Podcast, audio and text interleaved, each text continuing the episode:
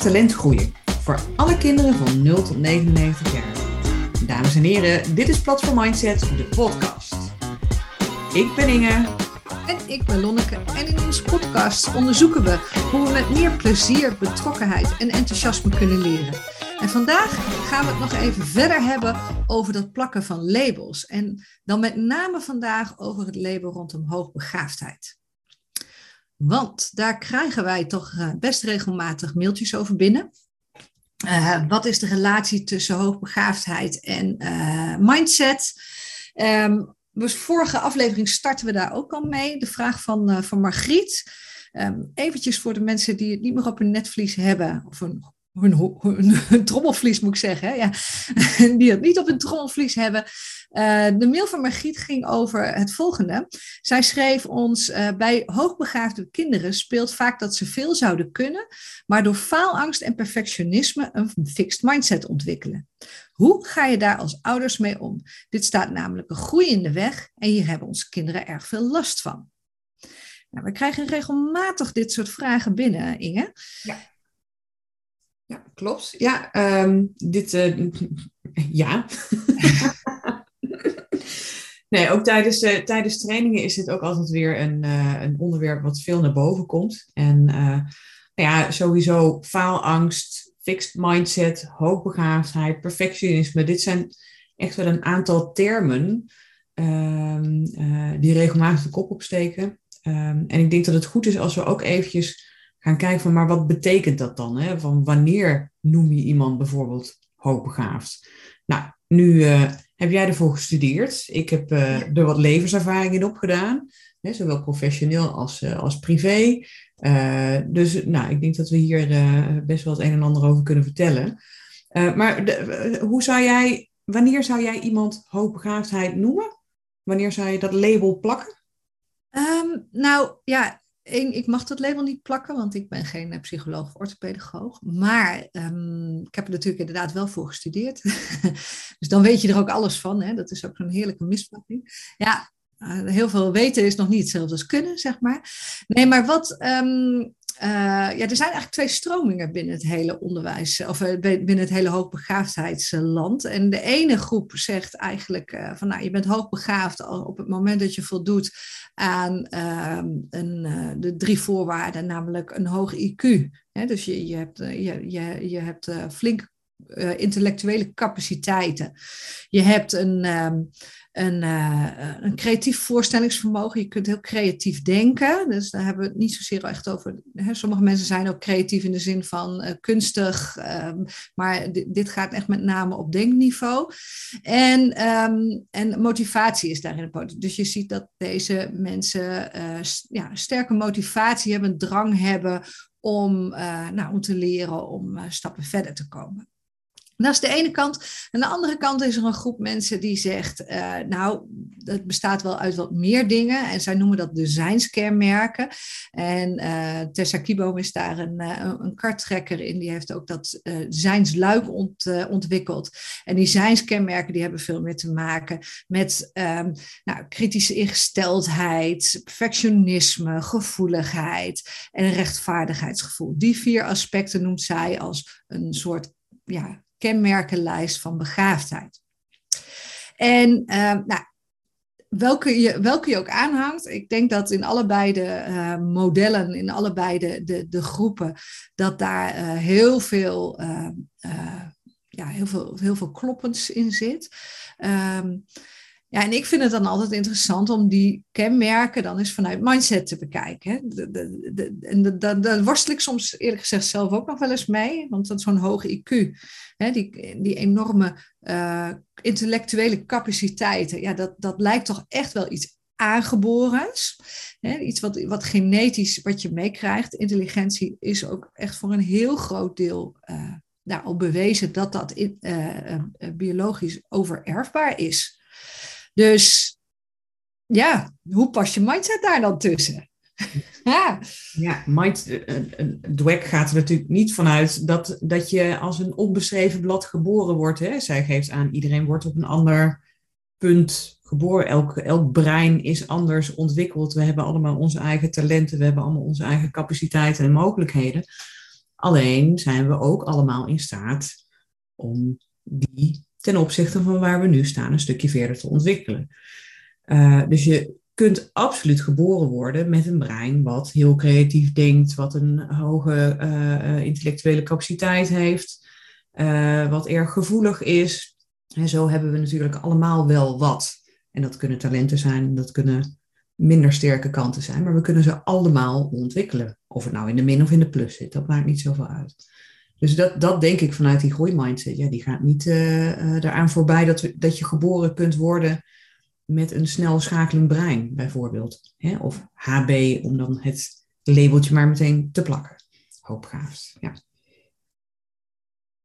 Waar, waarom hebben we er eigenlijk überhaupt een naam voor uitgevonden, denk je? Waarom noemen we iemand überhaupt hoopgaafd? Ja, dat is best interessant waarom we dit label plakken. Geeft het mensen, uh, uh, biedt het ze iets of, of, of belemmert het ze juist? Op het moment dat jij uh, een, een, een, label hebt gekregen, in dit geval hoogbegaafdheid, kan het je vastzetten. Het kan je bepaalde ideeën geven over, nou dan moet ik blijkbaar heel slim zijn. Of dan moet ik hè, heel creatief zijn. Of ik moet klassen over gaan slaan nu ineens. Um, dus het kan je ontzettend vastzetten. Maar heel eerlijk gezegd, want, want dat hoor ik best wel vaak ook vanuit, uh, uh, vanuit scholen. Hè? Van ja, nou ja, wat, wat, wat levert zo'n label je nou op?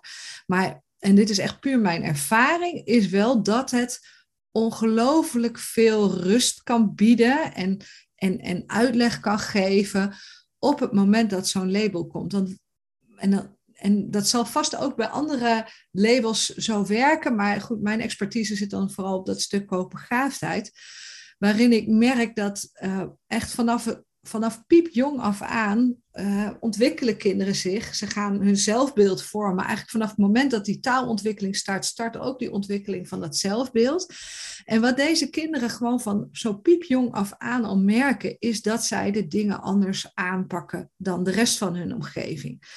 Um, wordt ontzettend bijvoorbeeld nu op dit moment gestimuleerd dat kinderen al van jongs af aan naar het kinderdagverblijf gaan, naar de peuterspeelzaal gaan. En dat is voor een hele, hele grote groep kinderen natuurlijk ook echt supergoed.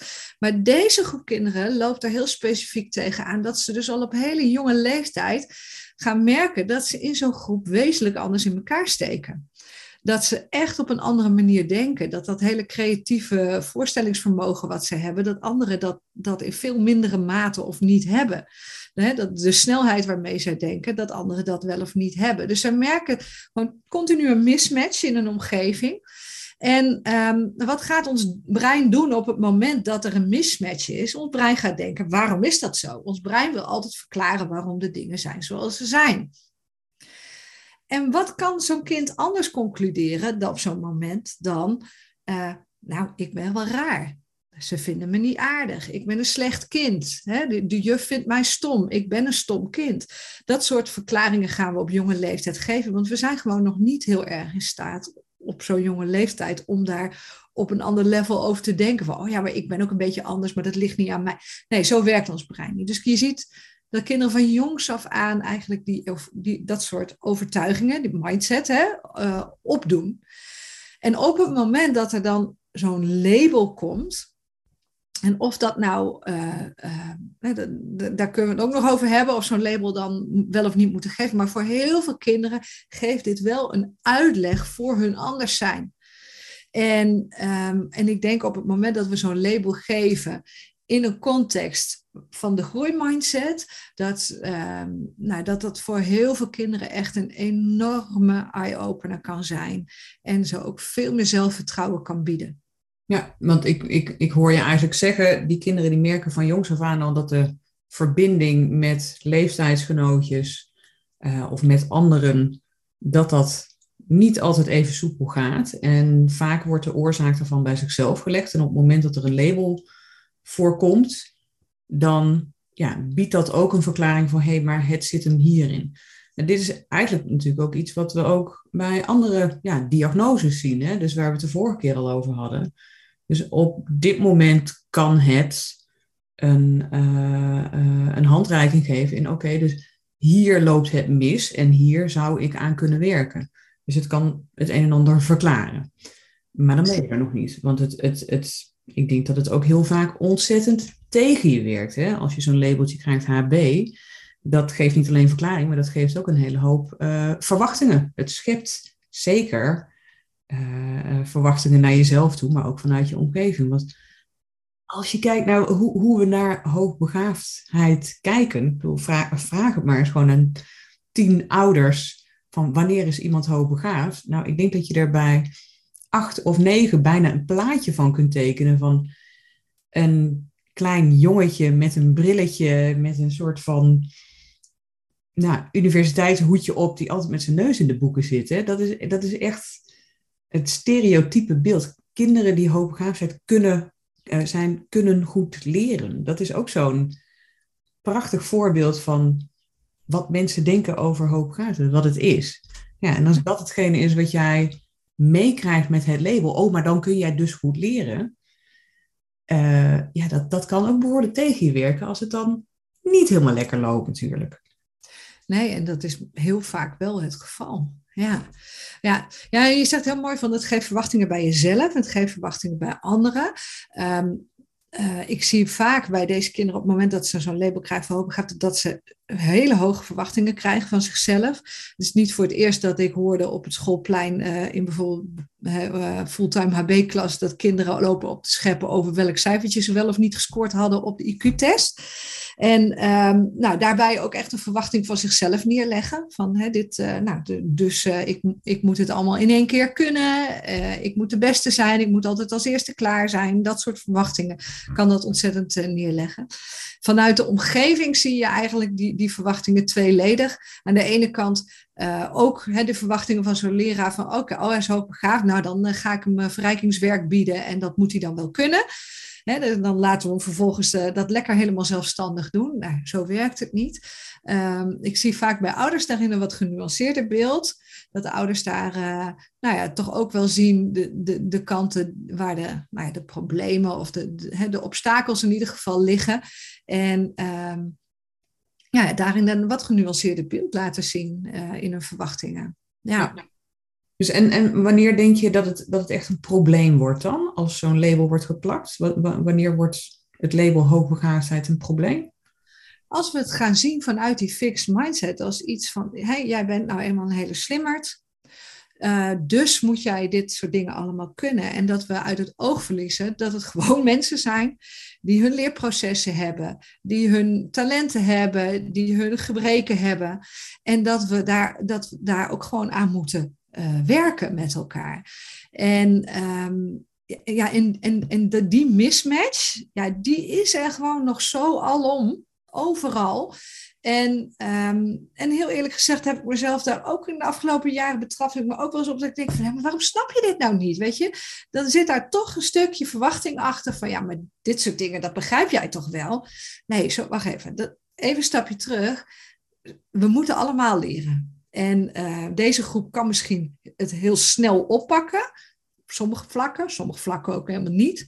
Uh, maar ja, daar zit echt de crux, naar mijn idee. Maar dat geldt voor ieder label. Ja, op het moment dat je identificeert met een bepaald beeld van het label, dus zo ben ik en zo zou ik moeten zijn, dan kan het misgaan. Exact. En, en het verschil een beetje tussen zo'n label, hè, daar hadden wij het eh, van de week al even over, Inge.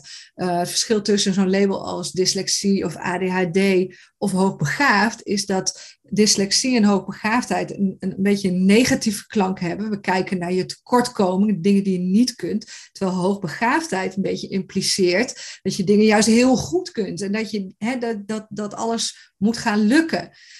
Maar dat is dus ook een misvatting. Ja, de verwachting bij dyslexie of ADHD is eigenlijk dat je dingen niet kunt. En de verwachting bij het label hoogbegaafd is dat je de dingen wel kunt. Ja, nou ja, maar dan is er ook nog het hardnekkige vooroordeel dat je, hè, dat je eh, dingen goed kunt leren, dat je snel bent, maar dat het op sociaal en emotioneel vlak, die gooien we dan vaak ook nog even op één hoop, dat daar het dan juist weer heel moeilijk gaat. Hè? Dus dat is ook een, eh, een, een, een echt een hardnekkig vooroordeel. Wat, ja, want, want dat, dat heb je ook anders gezien, anders ervaren, dat dat niet uh, voor elke HB'er uh, zo nee. Nee, nee. ja. Nee, dat is, dat, dat, dat is echt een ongelofelijke misvatting. Uh, als we het op sociaal vlak kijken, zie ik dat juist heel veel uh, hoogbegaafde kinderen uh, eerder voorlopen dan achterlopen. Maar doordat ze zo voorlopen, is er gewoon een mismatch met hun omgeving. En dat wordt door de omgeving vaak uitgelegd als een achterstand. Terwijl dat echt 9 van de 10 keer niet zo is. Uh, op emotioneel vlak zie ik dat dat heel wisselend kan zijn. Ik ken echt heel wat hoogbegaafde kinderen die emotioneel enorm voorlopen, die echt al op hun negende en tiende echt in de puberteit komen. Uh, maar ik zie ook hoogbegaafde kinderen die emotioneel wel achterlopen. Het, het, dat, en, en de meeste lopen gewoon lekker in de pas. Dus dat, dat, dat is echt een, echt een misverstand. Uh. Ja, dus eigenlijk hebben we het gewoon over een groep mensen met bepaalde zijnskenmerken. Het gaat niet zozeer over hoogbegaafden die allemaal op dezelfde manier functioneren in het leven. Het zijn gewoon net mensen, zeg maar. Met alle imperfecties en perfecties. Nou, dat vind ik trouwens ook nog wel leuk, want dat werd ook in dat mailtje van uh, Margriet werd dat ook gevraagd. Hè? Dus perfectionisme uh, en faalangst. Van, uh, dat juist bij hoogbegaafde kinderen, dat ze door faalangst en perfectionisme een fixed mindset ontwikkelen. hebben we het in de vorige aflevering ook over gehad. Komt die faalangst nu voort uit een fixed mindset of komt een fixed mindset voort uit faalangst? Hoe, hoe, hoe, hoe denk je dat het met elkaar samenhangt? Faalangst, vaste mindset? Um, nou, ja, ik, ik zat eigenlijk nog even nog een stapje daarvoor te denken. Van, um, want, want dat soort vragen. Ik krijg ook heel vaak de vraag: van, komt dan die vaste mindset meer voor bij hoogbegaafden? Want dat hele, die hele theorie van Carol Dweck over mindset, die is eigenlijk een jaar of tien, denk ja, jaar of tien geleden Nederland uh, heel erg binnengevlogen via de specialisten hoogbegaafdheid. Die hebben die theorie op een gegeven moment omarmd. Um, en dat is denk ik niet voor niks, want ik denk wel dat die vaste mindset iets is wat, um, nou, wat gewoon veel voorkomt onder die groep hoogbegaafden. En daar kun je allerlei verklaringen voor uh, verzinnen. Misschien ook best nog wel interessant hoor, om daar samen naar te kijken. Misschien even wat verderop in deze podcast. Um, en, en ik heb zelf jarenlang uh, ook met groepen hoogbegaafde kinderen gewerkt en in plusklassen uh, gewerkt. En eigenlijk merkte ik dat ik nou, zo'n 75, 80 procent van alles wat ik op zo'n dag deed met deze groep, ging over mindset, ging over hoe leer ik, uh, dit hoort bij leren, dit zijn emoties die bij leren vrijkomen. Dus het is wel echt een, een gegeven dat dat um, uh, nou ja, het is een gegeven volgens mijn ervaring. Want het, volgens mij is er nooit onderzoek naar gedaan, denk ik. Um, uh, maar ik denk wel dat dat echt, dat die fixed mindset bij deze groep heel sterk uh, naar voren komt. Mm -hmm. En ik vermoed dat faalangst wel voortvloeit uit het vastdenken. Het denken dat je dingen moet kunnen, dat je dingen in één keer moet kunnen, dat je als je, hè, deze groep heeft dat bijvoorbeeld heel sterk, die van, van, van, van jongs af aan lukken dingen vaak in één keer. Dus dat wordt een soort nieuwe normaal voor deze groep. Hè? En, en ook een soort hoge lat voor zichzelf. Ik moet dingen in één keer kunnen. Ik heb het nog nooit gedaan, dus ik, dus ik denk dat ik het wel kan. Ja, ik ga dat gewoon even, ik ga dat even doen en dan lukt dat wel. En heel vaak is dat dus zo. Wat doet de omgeving vervolgens? Die staat, hey, wat goed, wat knap van jou. Oh, wat hè, super, wat ben jij hier goed in? Nou, als dat je normaal is, wat gebeurt er dan met je op de momenten dat het niet lukt? Wat gebeurt er op momenten dat je fouten maakt? Ja, dan zegt dat dus ook iets over jou als persoon. Dan zegt dat, hè, wanneer je goed bent als dingen in één keer goed gaan, wat ben je dan op het moment dat de dingen niet goed gaan? Dat je faalt, dat je fouten maakt. Dus op die manier werk je, uh, werkt die combinatie van nou, dat in, dingen in één keer kunnen. Uh, ook een groot sterke neiging tot perfectionisme hoort ook wel bij die zijnskenmerken van begaafdheid. Uh, werkte gewoon die vaste mindset en dus vervolgens ook die faalangst in de hand. Ja, ik, ik, ik denk dat het juist in deze groep die mindset heel erg opvalt, die vaste mindset. Omdat we zulke hoge verwachtingen van deze kinderen hebben. We zien dat ze een groot ontwikkelingspotentieel hebben. Kinderen van 0 tot 99, om het maar nog even te benadrukken. Uh, we hebben hoge verwachtingen, ze hebben een hoog um, uh, potentieel en het komt er niet uit. Hoe kan het dat we zo'n grote groep mensen hebben die uh, zo creatief denken, die zo'n hoog, hoge score hebben op een IQ-test, die voor zo'n groot deel niet hun potentie waarmaken.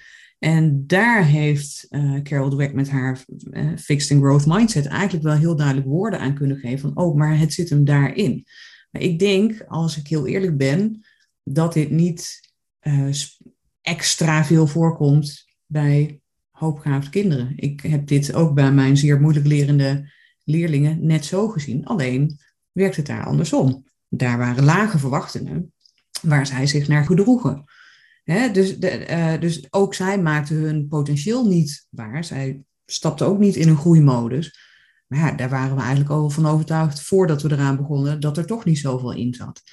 Daar valt het veel minder op. Maar we zien wel dat daar juist ook heel veel winst valt te behalen. Nou goed, en bij hoogbegaafden zien we nu heel duidelijk van het zit hem inderdaad juist in die hoge verwachting die we hebben, in het beeld wat we van ze neerzetten, uh, ja, waarin we ze ontzettend tegenwerken. Want ze geven, we geven ze een identiteit, een identiteit mee waar eigenlijk bijna niemand zijn leven lang aan kan voldoen.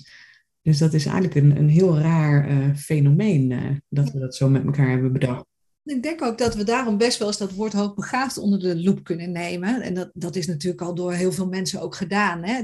en, uh, ik heb daar ook al heel vaak over nagedacht. En heel vaak kom ik dan toch weer uit op het woord hoogbegaafd. Want ja, dan weet wel iedereen zo ongeveer wat je bedoelt. Nou ja, dat is eigenlijk natuurlijk ook bullshit. Want iedereen heeft zijn eigen invulling, geeft zijn eigen invulling aan dat begrip. Um, uh, maar ja, het, het, het, klinkt nogal wat, hè? hoogbegaafd zijn. Het, uh, ja, en, dan heeft zo'n ontwikkelings, groot ontwikkelingspotentieel. Ja, uh, hè, de ontwikkelings, uh, flinke capaciteit. Ja, nou ja, er is van alles van te vinden. Um, maar ik denk dat wij het wel eens zijn met elkaar dat zo'n begrip hoogbegaafd, dat dat wel ook ongelooflijk vastzet. Toch? Ja, het is, het, is een, het is misschien een grote gave die je meekrijgt. Het is misschien een talent wat je, hè, want het is echt wel iets wat heel diep in je kern zit. Hè? Je, je, je bent dit ook echt. Um, maar het, het, het, het klinkt net alsof je hoger begaat, dat je beter bent. Er, er, er zit een soort vergelijk al in de naam. Ja. ja. Nou, maar ook het gave, weet je. De gave suggereert ook van je hebt het of je hebt het niet. En, en, en tuurlijk, dit is aanleg die, die, die, die, die extre ja, extreme bedrading, die enorme bedrading die uh, deze uh, mensen kunnen aanleggen. Want dat, dat is natuurlijk wel, het ligt er niet al bij voorbaat. Je moet daar echt wel wat voor doen. Maar dat wordt gave suggereert dat, dat, het, dat je het hebt of dat je het niet hebt. Dat je goed bent of niet goed bent. En uh, ja, dat, dat, dat, dat triggert bij mij wel heel erg. Ik denk, hoe kunnen we dat nou, uh, hoe kunnen we dat nou dan vind ik eigenlijk dat, dat de hoog potentieel vind ik eigenlijk nog wat, wat meer klinken als iets wat je zelf nog waarde mag maken. Hè? Alsof het allemaal maakbaar is. Ik bedoel, zo, uh, zo is het natuurlijk ook niet. Maar het is wel iets waar je ook nog energie in kunt steken. Nou, dat potentieel, daar ben ik ook al vaak op uitgekomen. Omdat dat potentieel ook heel duidelijk ook richting kinderen aangeeft. Van, hè, in basis is die, is die mogelijkheid er tot bedrading, hè, tot, tot het aanleggen van al die verbindingen, tot die ontwikkeling. Maar je moet het wel zelf doen.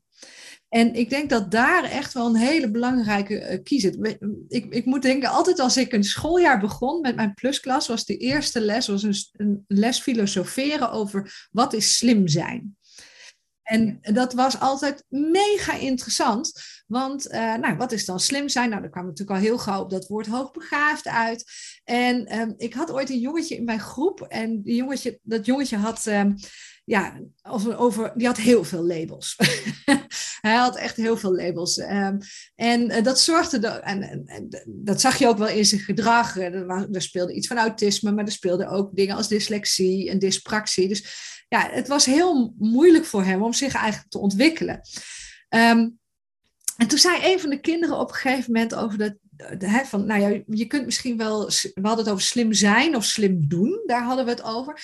En toen, uh, toen zei één ander jongetje, zei van ja, wij kunnen dan misschien wel slim zijn, maar hij, en toen wees hij naar dat ene specifieke jongetje, hij is wijs. En dat vond ik ook zo mooi, want wijs suggereert ook ervaring en wijs suggereert ook ontwikkeling. En dat was bij deze jongen, die was daar natuurlijk wel een beetje tot veroordeeld om nog een tandje meer erbij te zetten dan, dan de anderen. En dat deze kinderen dat dan ook vervolgens weer zagen. En dus ik vind dat woord wijs ook heel mooi om, uh, om, om te gebruiken. Want je kunt wijs worden. Slim doen we vaak alsof je het bent, maar wijs word je. Je, je bent niet van jezelf wijs. Toch? Ja, ik hoorde laatst mijn, mijn, mijn eigen, mijn bloedeigen dochter, hoorde ik zeggen. Ze, ze zit ook in een, uh, in een nou ja, soort plusklas. Uh, en daar zit ook een ander jongetje bij haar uit de klas, maar die is echt slim, want die weet alles. Nou, dan gaan bij mij eigenlijk al mijn nekharen overeind staan. Dus ik heb even uh, het heropvoedingskamp uh, Korstiaans ingericht. Ga jij eens even zitten, jonge dame, we moeten het er even over hebben. Wanneer ben je slim? Hè, um, ja, dat is wel een soort idee wat we hebben. Als je veel dingen weet, dan ben je slim. Als je veel dingen in één keer kunt, dan ben je slim. Uh, en zeg maar, je zit in die klas om slimmer te worden in hoe, uh, als je dingen niet weet, hoe pak je het dan aan? Als je dingen niet kunt, hoe zorg je er dan voor, als je dat graag wilt, dat je het dan toch kunt leren? Volgens mij is dat een vorm van slim zijn, waar we veel meer uh, op mogen sturen in het onderwijs, toch? Slimmer worden, handiger worden, gelukkiger worden, relaxter worden. Als je tools hebt, dat vind ik slim. Dan, dan, en misschien heb je het dan wel over wijsheid, inderdaad. Ja. Nee, maar dat is natuurlijk wat wij sowieso altijd in al onze trainingen hebben. Waar leg jij de focus? En of dat nou, dat, dat maakt niet uit of dat nou over uh, hoogbegaafde kinderen gaat of anders. Waar leg je de focus? Leg je de focus op dat slim zijn of leg je dat, die focus op het slim doen, slim worden, je ontwikkelen? En dat kan binnen zo'n zo'n label natuurlijk ook ongelooflijk goed. Alleen moeten we daar onszelf vaak eerst bewust van zijn, van hoe vullen wij nou dit label in? En uh, nou ja, welke verwachtingen heb ik daar dan zelf bij? En waar, waar leg ik de focus op? Ja, ja precies. Ja, ik heb, ik heb ook nog tegen mijn dochter gezegd van, ah, dat is wel, wel sneu, want dan zit hij dus daar in, in die plusklas. En dan kan hij alles en dan weet hij alles. Nou, dat is een beetje zonde van de tijd, toch? Ja, en dat, dat is natuurlijk ook uh, een beetje de waarde die we daar aan hechten. Van, maar als je dan nog steeds geen uitdaging hebt, dan kun je dus ook niet slimmer worden. Dat is zonde zonde van je tijd. Ja. Ook staan, staan we met heel veel mensen wel te applaudisseren als zo'n kind het wel in één keer kan. Zo knap, zo slim. Ja, en het is natuurlijk ook fijn als sommige dingen je aankomen waaien, of als je daar niet zo heel veel moeite voor hoeft te doen. Ja, wat gebeurt er op het moment dat je een uitdaging tegenkomt waarin het echt lastig wordt? ik heb het nog nooit gedaan, dus ik denk dat ik het wel kan. Nou, zolang dat voor je opgaat, voel je jezelf verzekerd. Maar op het moment dat je het niet in één keer kunt en je moet het gaan leren, dan valt alle zelfvertrouwen weg. Nou ja, en dat is denk ik ja, ook in de hele basis waar die mindsets over gaan. Hè? Ik bedoel, ja, ben je slim of doe je slim? Nou, precies, want ik, ik moet denken aan een andere vraag die wij kregen. Uh, volgens mij was dat van Marije. En die vroeg ook bijvoorbeeld van, zijn er nou uh, zijn er bij kinderen met hoogbegaafdheid andere of specifieke manieren om van die fixed mindset naar die groeimindset te komen? Ja, mijn, mijn, mijn eerste ingeving is niet, maar dat is, ja, nee, de, ik denk dat je sowieso per kind moet kijken, maar jij hebt daar ook veel ervaring in. Ja, nou ja, wat je, wat je zegt, dat klopt sowieso. Je moet per kind bekijken. Dat, dat, dat doe je met alle kinderen, dat doe je ook met deze kinderen. Maar, maar er is wel één ding um, wat, wat mij echt opvalt uh, als ik uh, rond mindset met kinderen aan het werk ben, is dat ik uh, dit heel top-down aanbied. En dat betekent bijna altijd dat ik het vaak eerst cognitief uh, echt uitleg. Deze kinderen hebben heel vaak nodig dat ze eerst even snappen van, oh, mindset, dat is dit, fixed, growth, dit, zo, hè, zo werkt dat. Uh, vaak ook een stukje breineducatie daarbij, hè, van hoe plastisch is ons brein. Dus op het moment dat ze dat dan snappen, dan, dan hebben ze, ja, ik zeg altijd, dan hebben ze voldoende kapstokjes, voldoende haakjes om alles wat ze dan voelen of uh, tegen zichzelf zeggen, om dat dan ook aan zo'n haakje te hangen. Dus ik, uh, ik denk dat dat echt wel een, een belangrijke is. Um, om in ieder geval mee te hebben. Of dat nou echt helemaal als eerste moet, dat weet ik niet. Want ja, wij, doen vaak zelf in de training dat we ook uh, uh, heel veel juist laten ervaren bij mensen. En dat doe ik in de, in de, in de groep ook. Dan, hè, dan geef ik opdrachten waarin ze ergens tegenaan lopen. En op het moment dat ze dan ergens tegenaan lopen, kijk, dan heb je ook een fantastisch voorbeeld van, oké, maar zo voelt het dus echt als je aan het leren bent. Ja, dan heb je echt zin om dat potlood op de grond te smijten. Hè? Of dan wil je echt weglopen. Of dan denk je, denk je echt van, ah, maar zo is het ook wel goed. Weet je, die momenten om daar dan gaan, die dan te kunnen bespreken. Dus ehm, ja, er zit echt wel een belangrijk cognitief component aan, dat voor veel hoogbegaafde kinderen dat wel echt zo werkt. Uh, maar laat ze het ook vooral ervaren. ik deed bij, bij de jonge kleutertjes in mijn plusklasse, dat als ze dan, hè, dan legde ik de leerkuil uit en op het moment dat ze onder in die leerkuil zaten en dat ze echt eentje stampend op de grond zitten, dat we dan mogen juichen van yes, we zitten daaronder we hebben het voor elkaar gekregen om onder in die leerkuil te komen. Yes, weet je, dat, dat dat gaan ervaren en dan ook kunnen gaan ombuigen van hé, hey, maar wacht eens, dit is, uh, dit is eigenlijk juist goed, ik ben juist goed bezig. Dat, dat stuk. Ik denk dat dat heel belangrijk voor ze is. Ja, ja, ja. Dus het is eigenlijk eerst het snappen en dan het doen. Dat geeft natuurlijk ook een bepaalde veiligheid. Hè? Ik, ik moet meteen aan James Nottingham denken, die zegt. In het onderwijs doen we ook heel vaak op die manier. We bieden ze een bepaalde veiligheid door te zeggen: daar moet je naartoe. dus dan doen we de ready, aim, fire. Ben je er klaar voor? Daar ga je naartoe. Nou, schiet er maar. En dan ga je het ervaren terwijl je naar het doel toe loopt. Um, maar ja, het kan qua verdieping in leren natuurlijk ontzettend goed werken om te zeggen: uh, ready, fire, één. Dus eerst maar eens gaan ervaren en dan op zoek naar hoe kom je nu bij een bepaald doel uit? Wat kom je allemaal tegen onderweg? En ik denk dat je daarin vooral de veiligheid, psychologische veiligheid van degene die je tegenover je hebt, heel goed in het snotje moet houden. kun je inderdaad een interventie doen? Voelt een kind zich op het moment dat je uh, een bepaald spelletje gaat doen of dat je die leerkuil in uh, voelt het zich dan nog zo senang dat het ook daadwerkelijk tot leren komt? Hè? en heeft het die vertrouwensrelatie? Of zit een kind al zo ver dat het ja, zich eigenlijk ook niet prettig voelt, dat je toch eerst de stapjes moet gaan uitleggen. Ehm, dit is waar we naartoe gaan werken. Zo werkt het in jouw brein. Zo kun je op deze manieren kun je denken.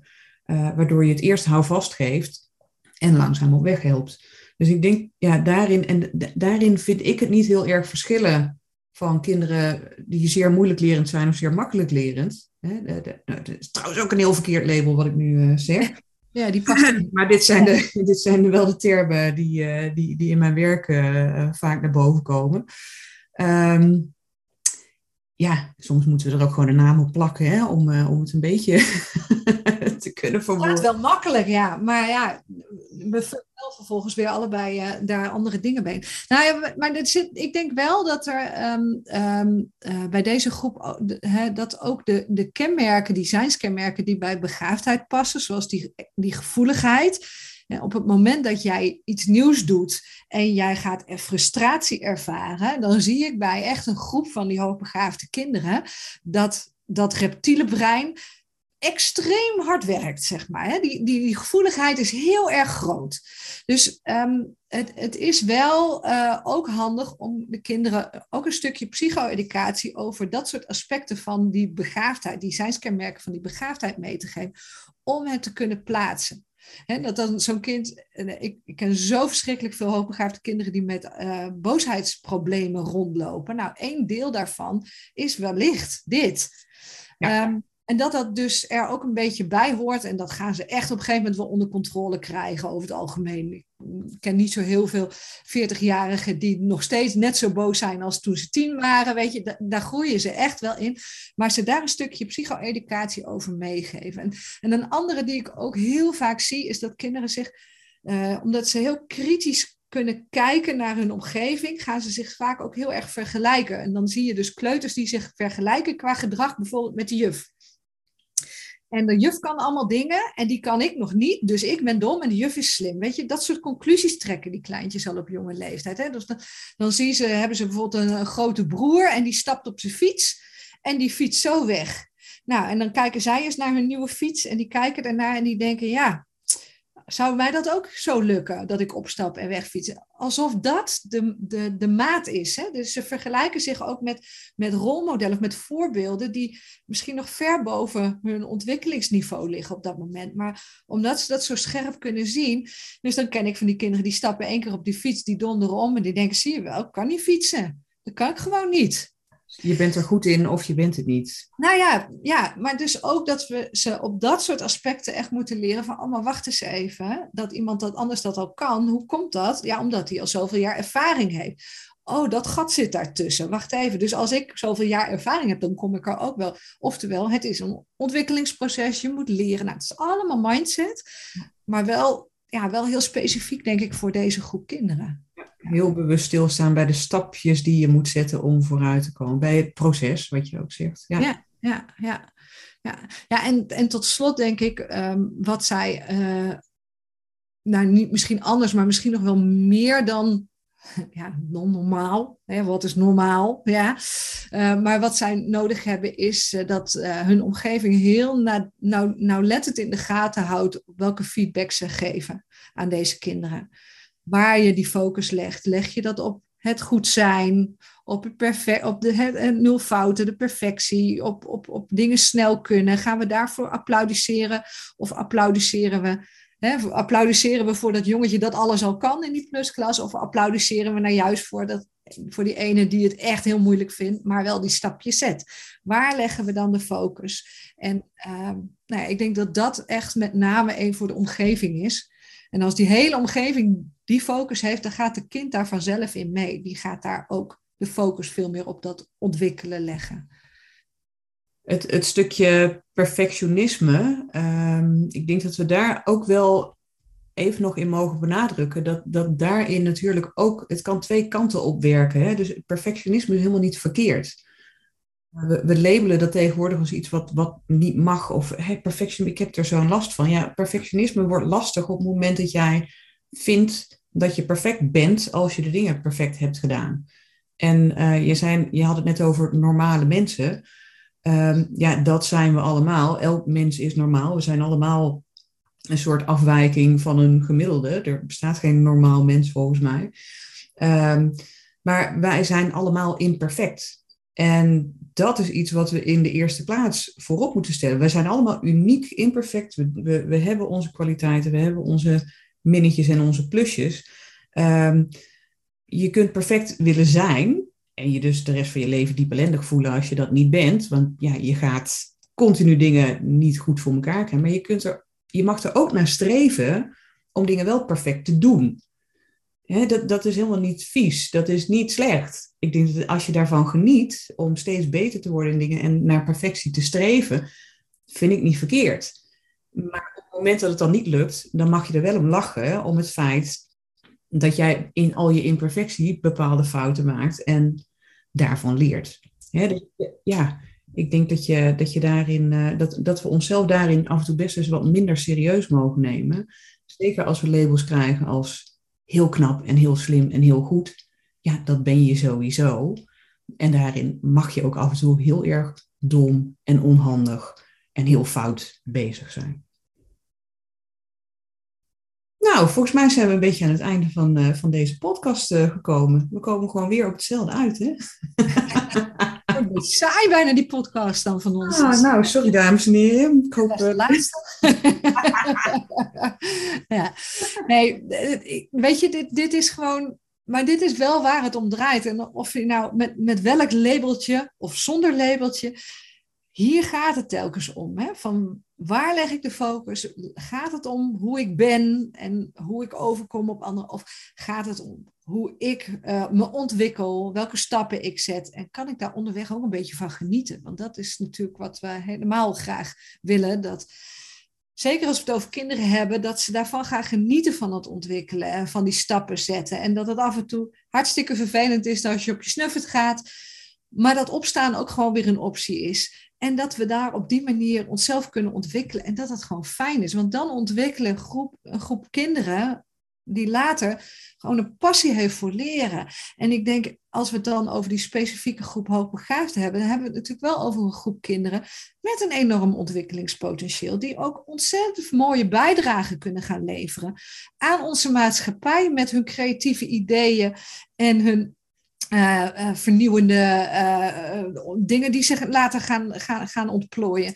Dus dat, ehm, ja, ik, ik, ik hoop gewoon echt dat we ook met onze podcast Inge elke keer hier weer een klein steentje aan mogen bijdragen. Hey, lieve mensen, bedankt voor het luisteren weer voor vandaag. En ehm, mocht jij nou ook een mooie vraag hebben of iets met ons willen delen, wat wij in de volgende podcast kunnen bespreken, dan uh, laat dat even weten via onze website. Je vindt alle contactgegevens in de omschrijving van deze podcast.